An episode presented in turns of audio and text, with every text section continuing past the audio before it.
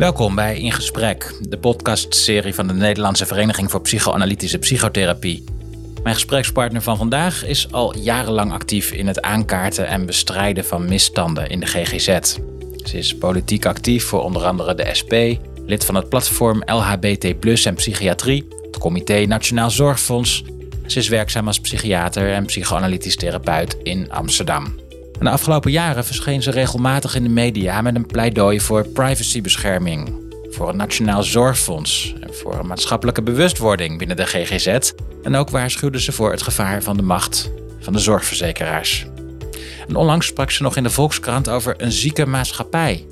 Reden genoeg dus om eens met haar in gesprek te gaan.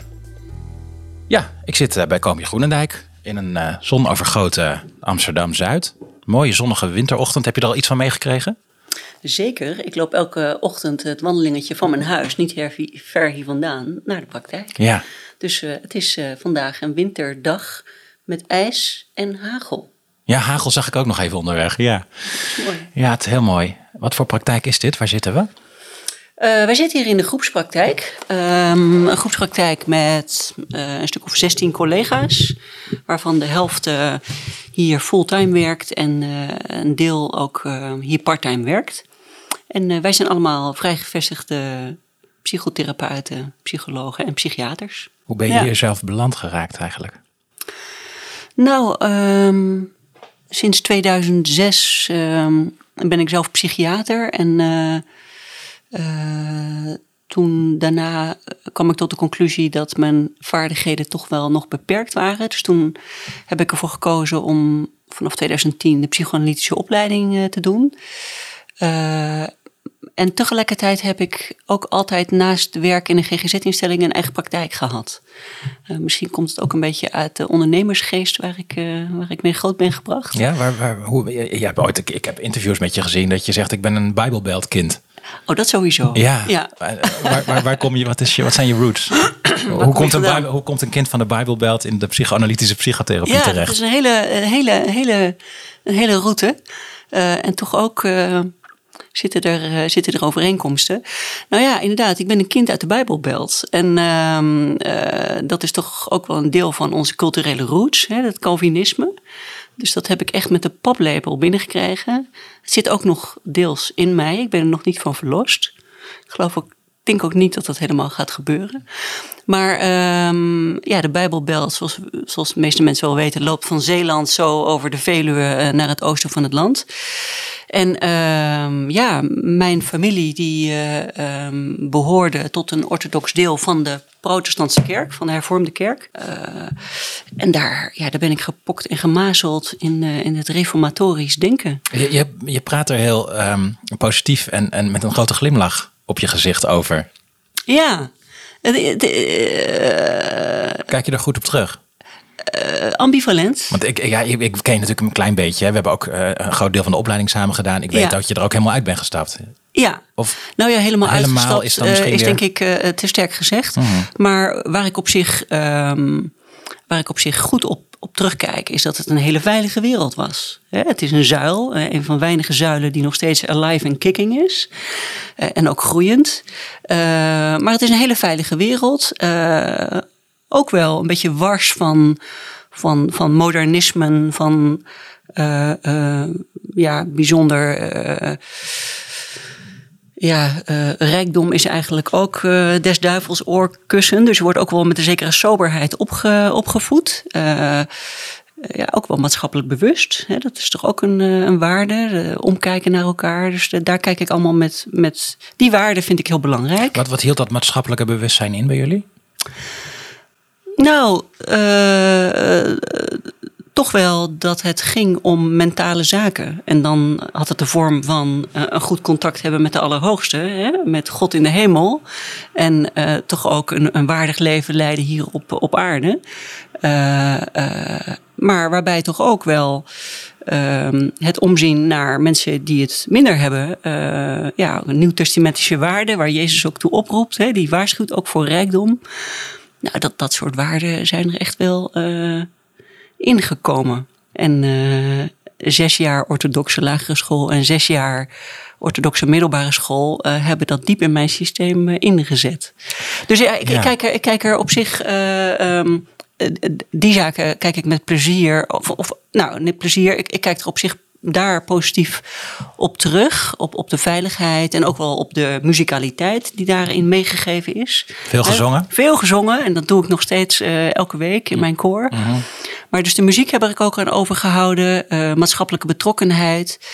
Maar de rigiditeit in denken, Hè, waar, waar toch ook, ook een kenmerk van orthodoxie. En dat toch ook eh, de leer regelmatig belangrijker is dan, dan, de, dan, de, dan, dan de mens. dus de mens moet dienen aan, aan, aan God en aan, aan de theologie. Uh, die druk en ook, uh, en ook wel uh, de weerzin eigenlijk van, van die orthodoxie om het innerlijk leven van de mens bloedserieus te nemen. Hè, en ook te durven voelen. En dat, en, en dat op waarde te schatten en daarover te reflecteren. Ja, dat heb ik er absoluut niet mee gekregen. Het tegenovergestelde. het stond al geschreven eigenlijk. Het stond geschreven als er gevoelens waren die, die niet in lijn waren met de leer, dan moest je die negeren. Uh, of die, uh, die gevoelens waren zondig en dan moest je vergeving om vragen. dus die, die hele kant van orthodoxie, die, ja, ik zeg het eventjes een beetje in jargon, maar die heb ik wel mutilerend ervaren. En uh, eigenlijk ook altijd wel op een of andere manier gevoeld van dit klopt niet, wat hier gebeurt. Maar je mag er niks over zeggen. Dus ik denk dat daar mijn, uh, mijn kleine, uh, het verzet in mij ontstond. dat ik dacht, dit klopt niet wat mij hier wordt aangeleerd. maar goed, ik heb wel een weg moeten gaan om me daar ook van te bevrijden. En om een beetje vrij te worden hè, met het ja, Wat leven. ik helemaal niet wist toen ik maar een beetje aan het inlezen was. Dat jij ook dus theologie hebt gestudeerd. Ja, twee jaar inderdaad. Oh, je bent geen theoloog geworden? Nee, ik ben geen theoloog oh, geworden. Oh, oké. Want, want Wees gerust. hoe kwam je daar zo in terecht? Want het, het, klinkt natuurlijk heel logisch vanuit de Bijbelbel dat je theologie gaat studeren. In Kampen ook? Of? Nee, nee in de, aan de Universiteit Utrecht. Want oh, daar, ja. uh, daar studeerde ik eerst rechten. En uh, uh, het was eigenlijk, die theologiestudie was voor mij een, een, een, een daad van bevrijding. Oh. Ik, ik, heb dat wel vaker, dat om, om ergens eh, mijn eigen weg in te vinden. Uh, nou, probeer ik het dan uh, te bestuderen. en tegelijkertijd nam ik toch ook de Allerhoogste wel serieus. Dus ik had ook wel interesse om mijn eigen weg daarin te vinden. Dus uh, heb heel veel plezier gehad aan, aan dat eerste jaar klassieke talen. Dat vond ik echt een heel groot plezier. heel vormend, hè, is dat? Heel vormend. Heerlijk om zo lekker je bureau vol te hebben met woorden, boeken, Hebreeuws en Grieks en Latijn. En zo lekker die, die teksten in te duiken. En vervolgens uh, kwam de propenduizen. Ik deed dat echt eigenlijk uit, uit persoonlijke verdieping. En uh, daar kwamen veel religiewetenschappen voorbij. Dus het was voor mij elk in mijn tijd kon je nog lang studeren. Dus ik heb dat gewoon gedaan. En uh, na dat jaar en ook daarna het boek van Kuitert, uh, professor Kuitert lezen van al het, het, algemeen betwijfeld christelijk geloof heette dat. Dat heb ik opgegeten. En daarna was ook mijn, ehm, ja, mijn neiging om die orthodoxie nog heel serieus te nemen wel voorbij. En kantelde mijn wereldbeeld eigenlijk ook. En je ging recht en geneeskunde doen?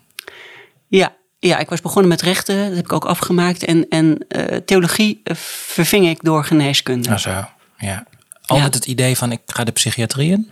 Nee, nee, nee. Het was eigenlijk, uh, ja, nadat ik mijn nieuwsgierigheid een beetje in, de, in verticale zin verloor. Hè, ik ontdekte toch wel dat het eigenlijk gewoon vooral tussen mensen gaat. En dat daar ook vooral, ervaar ik nu nog, religiositeit voor mij althans te vinden is in het unieke tussen mensen en wat daar kan gebeuren.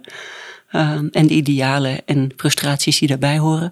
Toen ik dus die, die, die, die, ja, orthodoxe godsbeeld echt wel verloor, raakte ik meer en meer geïnteresseerd in, in, in, ja, in de interactie, interactie tussen mensen. En, uh, maar wat is daar dan nog religieus aan? Wat daar religieus aan is? De interactie tussen mensen. Ja? Nou ja, religeren betekent verbinden. Dus uh, religiositeit gaat over verbinding. Uh, ja, er zijn natuurlijk vele culturen die zoeken dat behalve het horizontale ook in het verticale. Misschien hebben ze daar gelijk in. Ik weet er in ieder geval steeds minder van. Uh, maar wat ik wel weet is, is wat mensen met elkaar kunnen beleven. En, en hoe, ja, hoe verdraaid, uh, mooi en ingewikkeld en frustrerend dat allemaal is. Hmm. Dus Dat- daar ervaar ja. ik religiositeit. Ja, en dan ligt de weg naar de psychiatrie redelijk eh, in een soort, soort logisch verlengde, zou je zeggen. Tenzij, ik weet niet precies wanneer je bent gaan studeren, maar dat is natuurlijk ook ontzettend biologisch geworden op een gegeven moment. Ging toch nog wel heel weinig over mensen, had ik het idee, wat ik zo ervan gehoord heb. Toch De, zeker in Utrecht. de geneeskundestudie? nee, de psychiatrie, ja, geneeskunde, maar de psychiatrie toch ja, ook. ja, ja, ja, maar ik begon toch vooral gewoon geneeskunde te studeren. Ja, ja. En eh, eh, omdat ik dat zo'n fantastisch mooi breed vak eh, vond en vind, omdat dat gaat over sociologie, filosofie tot celbiologie en genetica en, en, en alle medisch specialismen. Dus het is een fantastisch breed vak. En eigenlijk pas in, tijdens de kooschappen en het lopen van de kooschap psychiatrie, hier bij de acute psychiatrie, raakte ik opeens meer en meer geïnteresseerd in de psychiatrie. En ik denk dat dat ook iets raakte uit mijn eigen familiegeschiedenis, namelijk mijn oudste broer, die eh, leed aan schizofrenie. Mhm. Uh, hij is helaas twee jaar geleden tijdens corona overleden. Uh, maar ja, in een, een gezin, in een gezin een broer of zus hebben met schizofrenie, in mijn geval een broer, dat heeft toch wel een grote impact. Ja. Dus uh, ik denk dat ik daar toch ook wel mijn, uh, mijn eerste liefde voor dit vak heb uh, ja, vandaag Is dat, dat gehad. toch er meer Ja. van willen snappen of zo? Ja, nou ja. eh, psychose is natuurlijk, ja, wie weet er eigenlijk iets van wat dat precies is. Eh, dat, daar is toch ook volop eh, zijn klassificaties overheen ge- gegaan. En dat noemen we nou schizofrenie. Eh, maar levend met een broer met die ernstige ziekte, die lange tijd ook vrij onbehandeld eh, was, omdat die zorg meet, zie je natuurlijk dat, dat iemand veel meer is dan het hebben van af en toe symptomen die Mhm. wel ernstig eh, het leven aantasten en ook het gezinsleven aantasten. Ehm, maar ja, ik heb hem later ook regelmatig gevraagd, eh, hè, een beetje ge- beroepsgedeformeerd, hoe, hoe, hoe, wat voor cijfer geef je je leven als 50-jarige man destijds? En dan zei hij toch, ja, ik geef mijn leven echt een acht. Ja.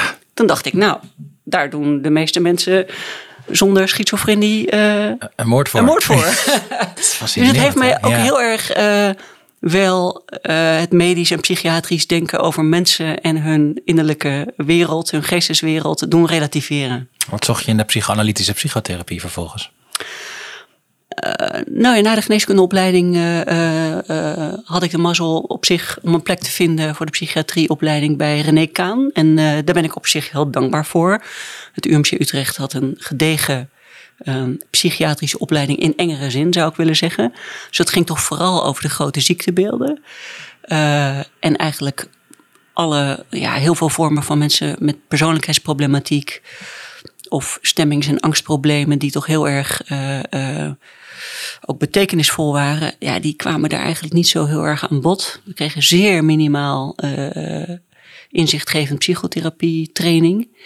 Ja, en dan kom je de wijde wereld in. En toen dacht ik, ja, ik voel dat ik een hiaat heb. Hè? En De ik mens achter de symptomen. de Daar mens achter de hiaat. symptomen. En, en, en eh, ja, daar ben ik altijd bijzonder nieuwsgierig eh, naar geweest. En eh, ja, ik dacht, ja, kijk, ik heb gewoon meer vaardigheden nodig. En eh, eigenlijk de analytische wereld kende ik helemaal niet. Ook in die hele Nee, ik opleiding. wou zeggen, wist je er dat- iets van? Had je Nee, iets over Freud gelezen of iets, Ja. iets, iets psychoanalytisch? Heel sumier. Ja, ja.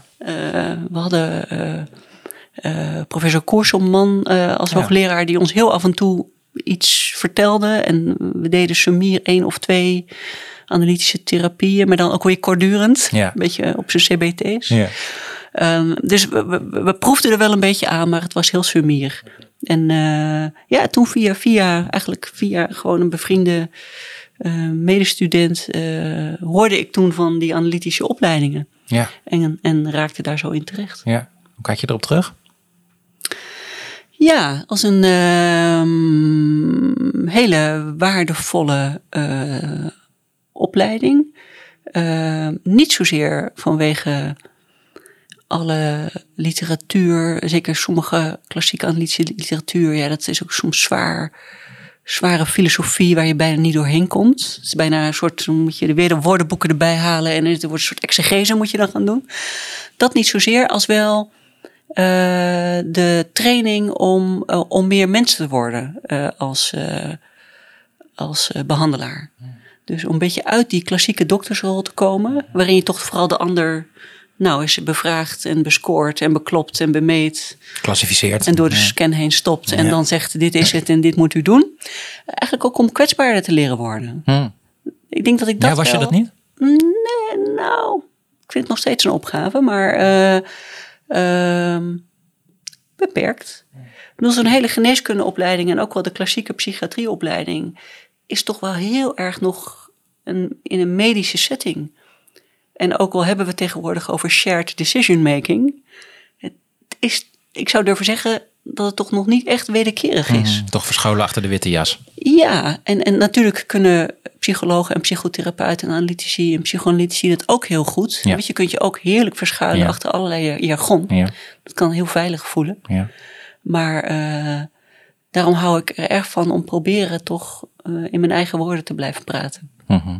Ja, Dat komt ontzettend goed uit natuurlijk, omdat we je ook kunnen zien in de bredere media om eh, allerlei redenen. Maar in ieder geval kan je ook ons vak een beetje daarmee op de kaart zetten. Daardoor dacht ik ook, het lijkt me leuk om met je te praten. Want dat doe je volgens mij al een tijdje. En ik ken je ook uit de analytische opleiding, waarin je voor mijn gevoel al heel maatschappelijk betrokken was. En ook politiek betrokken was.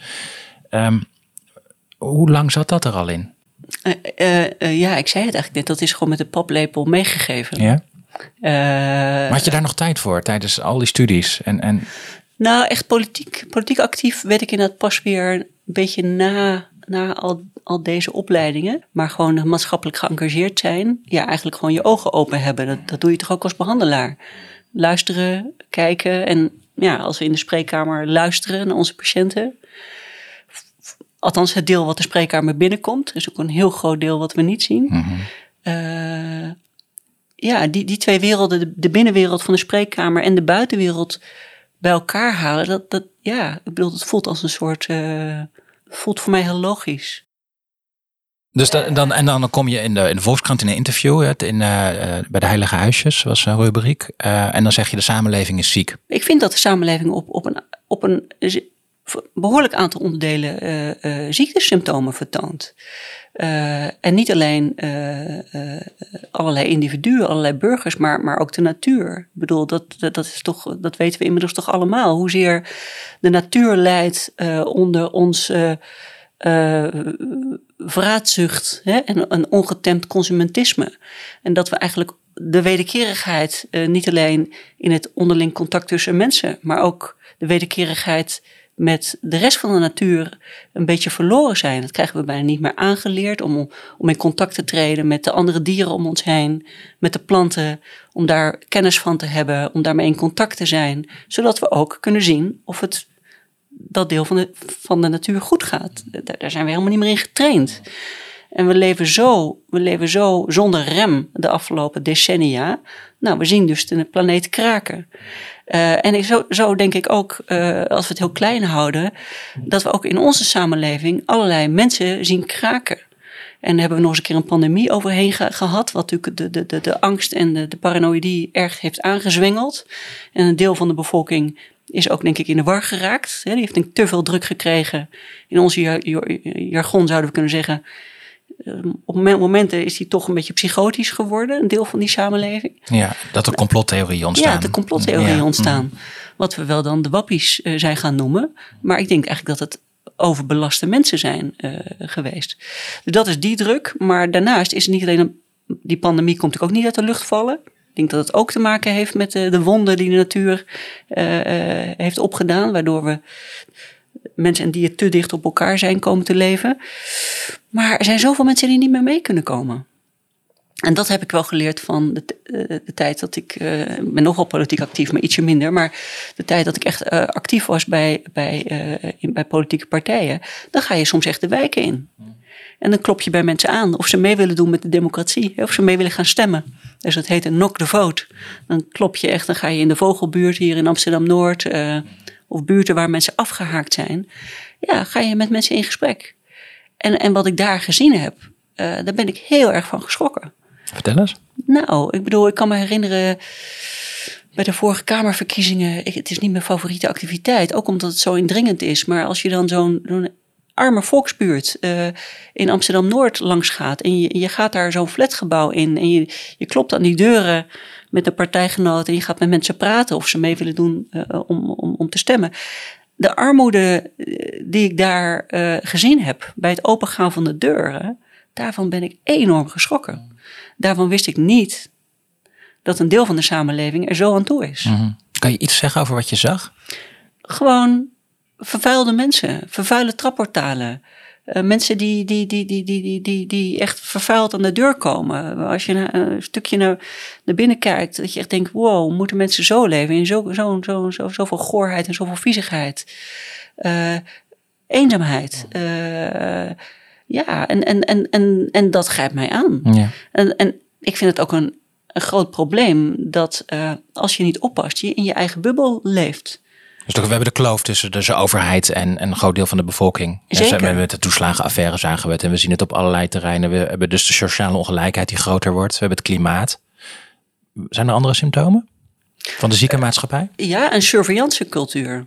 Kijk, we hebben geloof ik al een jaar of 20, 30 neoliberalisme over ons land heen, heen gekregen.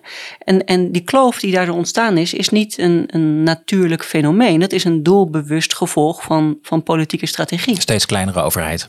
Steeds kleinere overheid en ook een steeds kleinere belastingdruk voor de welgestelden.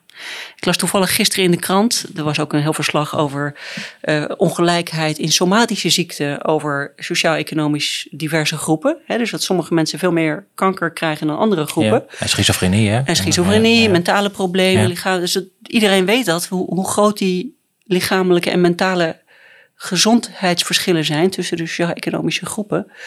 Uh, maar al die decennia neoliberalisme hebben ook gezorgd tot, uh, tot het feit dat de vermogenskloof in ons land steeds groter is geworden.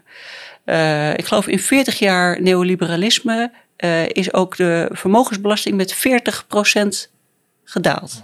Dus de, de well-to-do hebben in een paar decennia tijd 40% minder belastingen uh, hoeven betalen. En wat heeft dat te maken met die surveillance? Ja, ja, nou kan je zeggen, waarom moet een psychoanalytisch, ik mag maar geen psychotherapeut meer noemen, een beetje pijnlijk. Waarom moet een psychoanalytisch therapeut zich met belastingen bezighouden? Nou, omdat het gaat over een, een maatschappij waar mensen elkaar kwijtraken. Waarin, waarin een overheid zorgt voor de well-to-do, die het steeds beter krijgen. En ik heb allerlei mensen in mijn omgeving, ook mensen die gewoon verpleegkundigen zijn of, of, of, of schoolmeester. Ik kom straks bij de surveillance hoor. Maar die, die, die, die kunnen eigenlijk geen fatsoenlijk bestaan meer krijgen. Die kunnen niet meer wonen. De, de basislasten worden maar hoger en hoger. Ja, als, je, als een overheid niet meer zorgt dat de burgers een fatsoenlijk minimaal bestaan kunnen leiden. En de overheid ook zorgt voor de grondrechten van de burgers, dat ze daar, dat ze daar zorg voor draagt, dan gaat het fout. En dan komt een democratie onder druk te staan. En dan keert een deel van de samenleving zich weg van die overheid, gaat niet meer stemmen. Er is helaas geen opkomstplicht meer. Of stemt op een populistische partij. Ja, maar, maar uh, ik vind ook eerlijk gezegd dat de opkomstplicht weer terug moet komen. Dat mensen gewoon een stemplicht hebben. Zodat de belangen van dat deel van de bevolking die het zwaar heeft, waarvoor wij ook deels ons werk doen, dat die ook weer in het politiek domein terechtkomen. Nu naar de surveillancecultuur. Ja. Een van de grondrechten van mensen is privacy. Nou, wordt er veel over privacy gesproken en veel mensen zijn er een beetje moe van.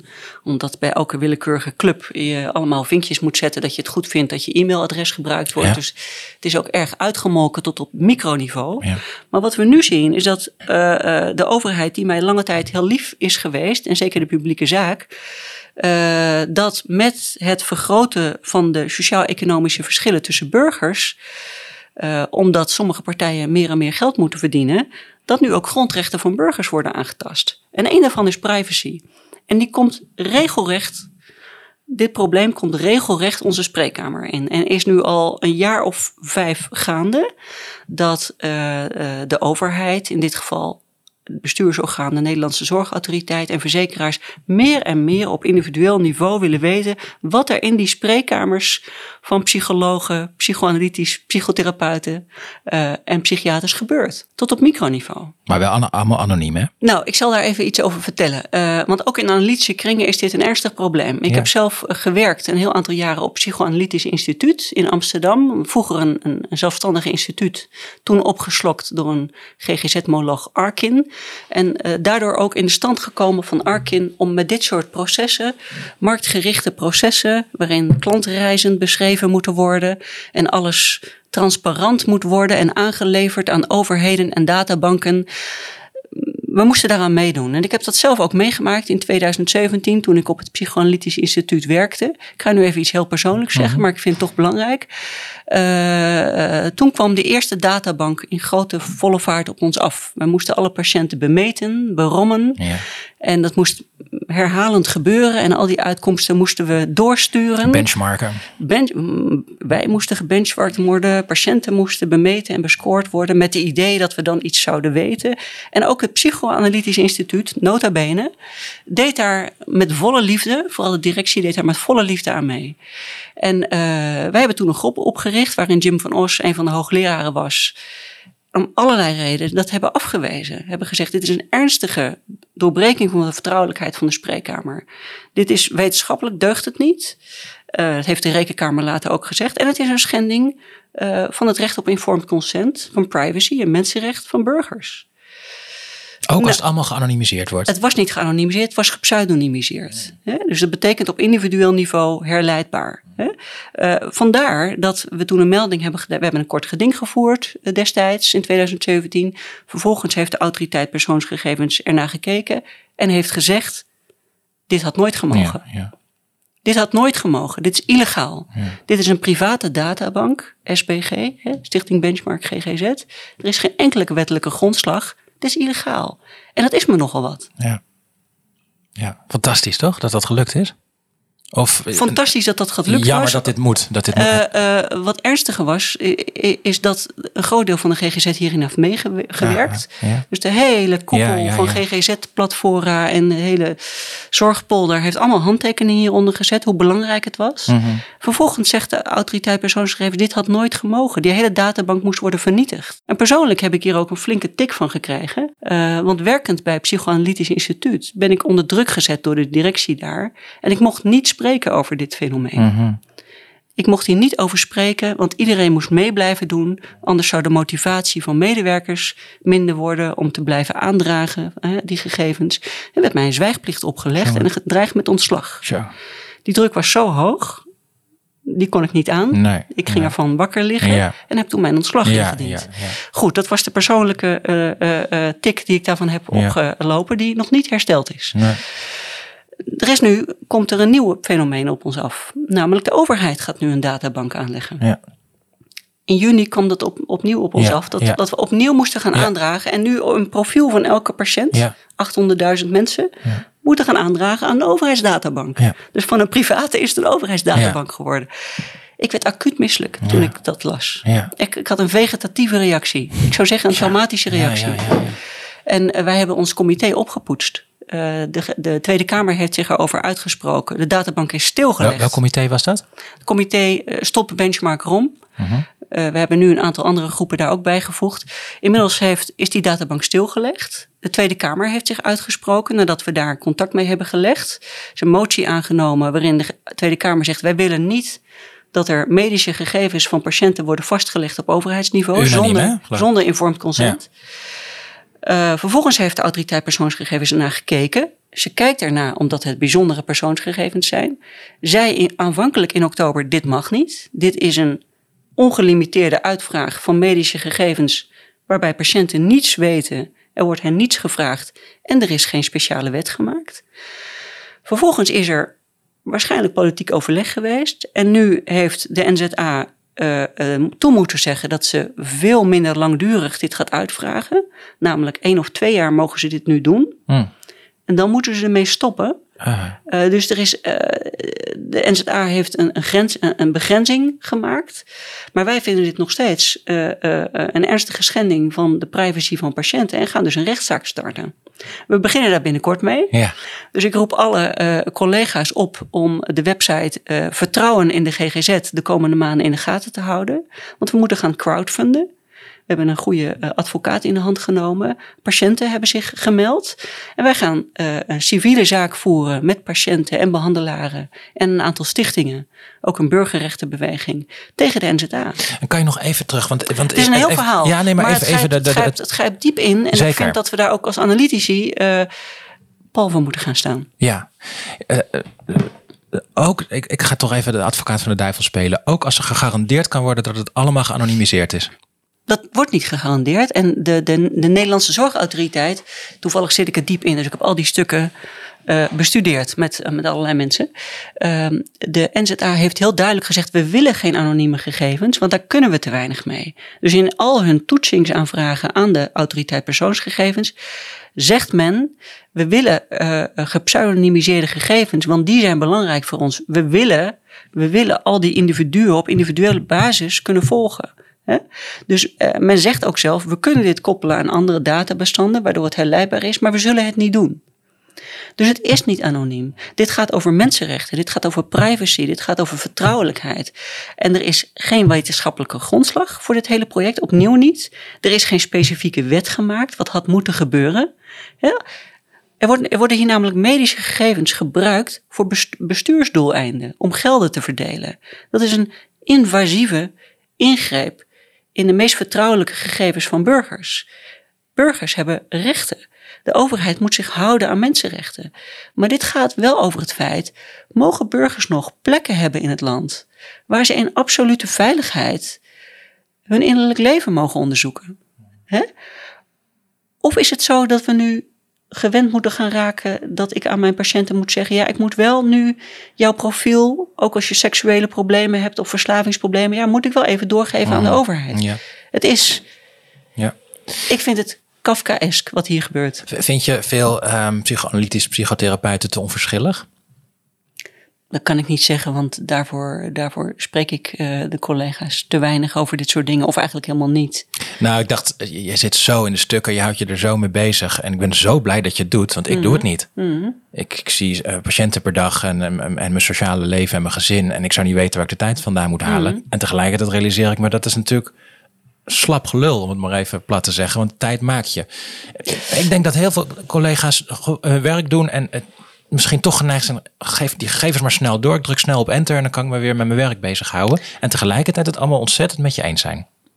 Ja, nou, dat, dat moet ieder voor zich afwegen. Uh, um, jij doet nu ook iets. Je bent een podcast aan het maken. De, de beroepsvereniging heeft kennelijk het idee... Hey, we moeten meer toch ons geluid laten horen.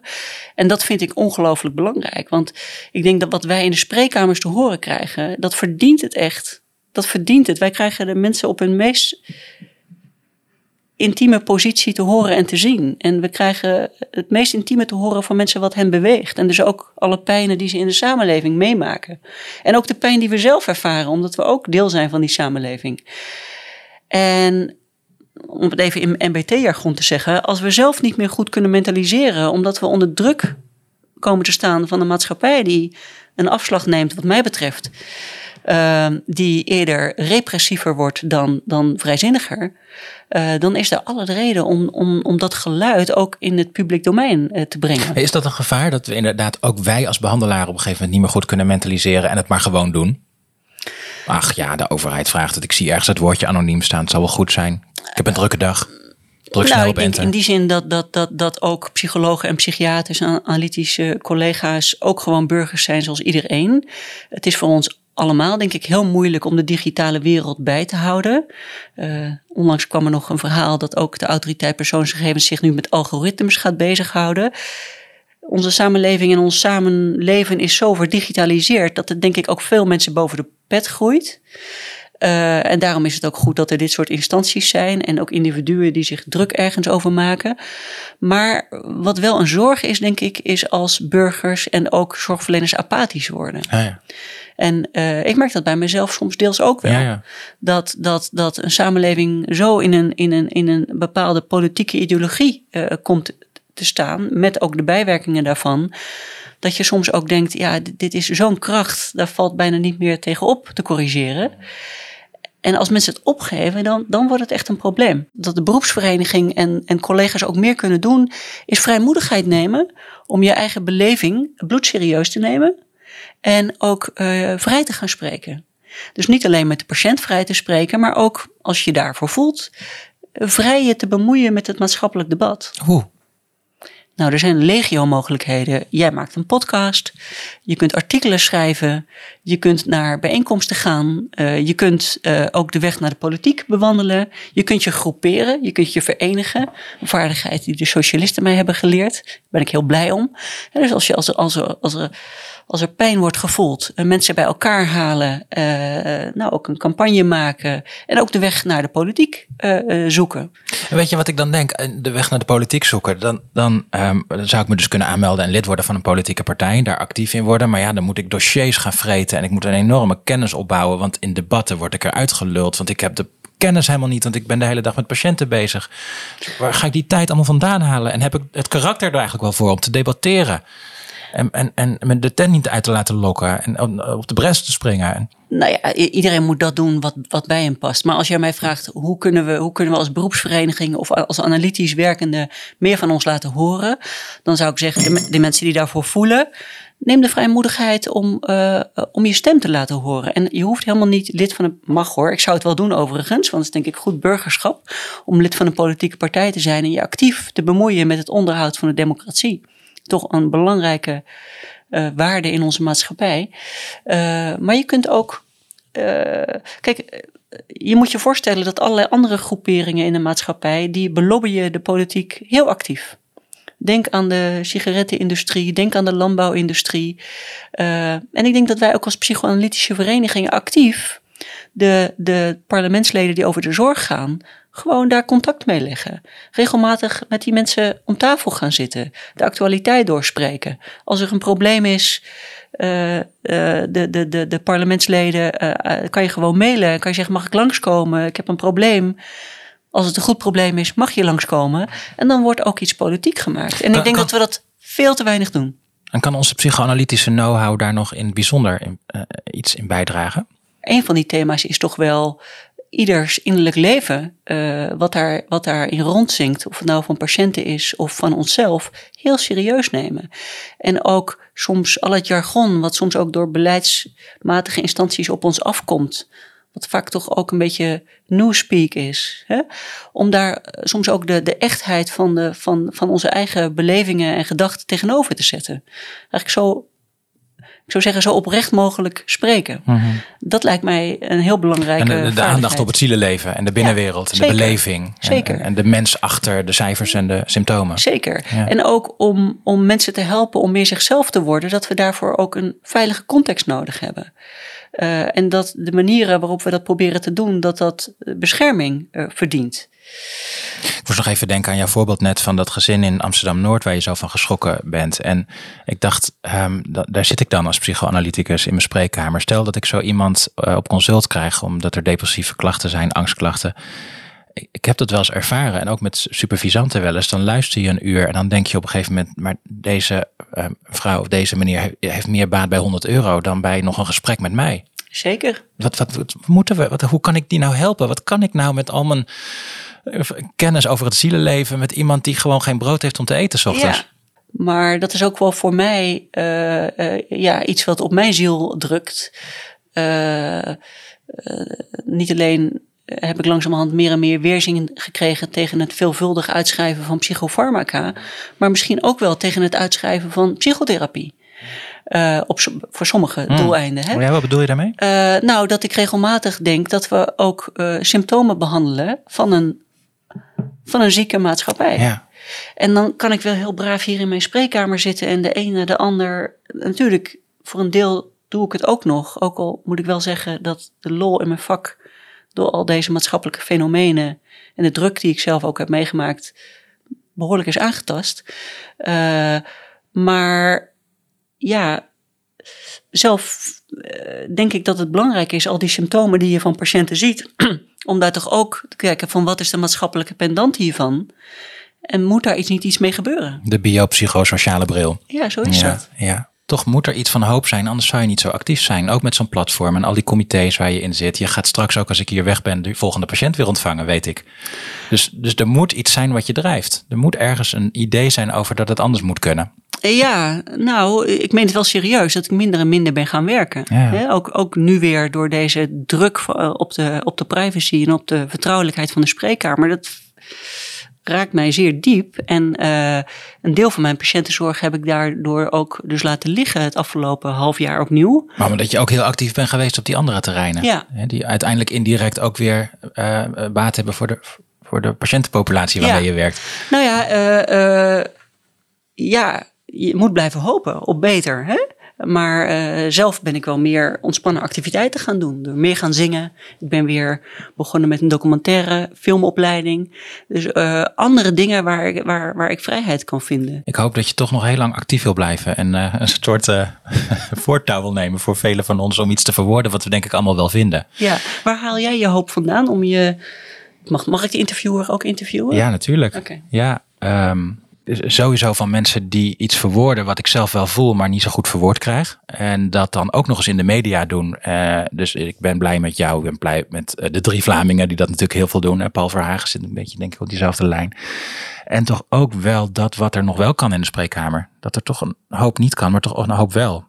Ik hoorde laatst Salman Akhtar zeggen, dat is een beroemde analyticus, psychiater in de Verenigde Staten. Nou, die loopt tegen de 80.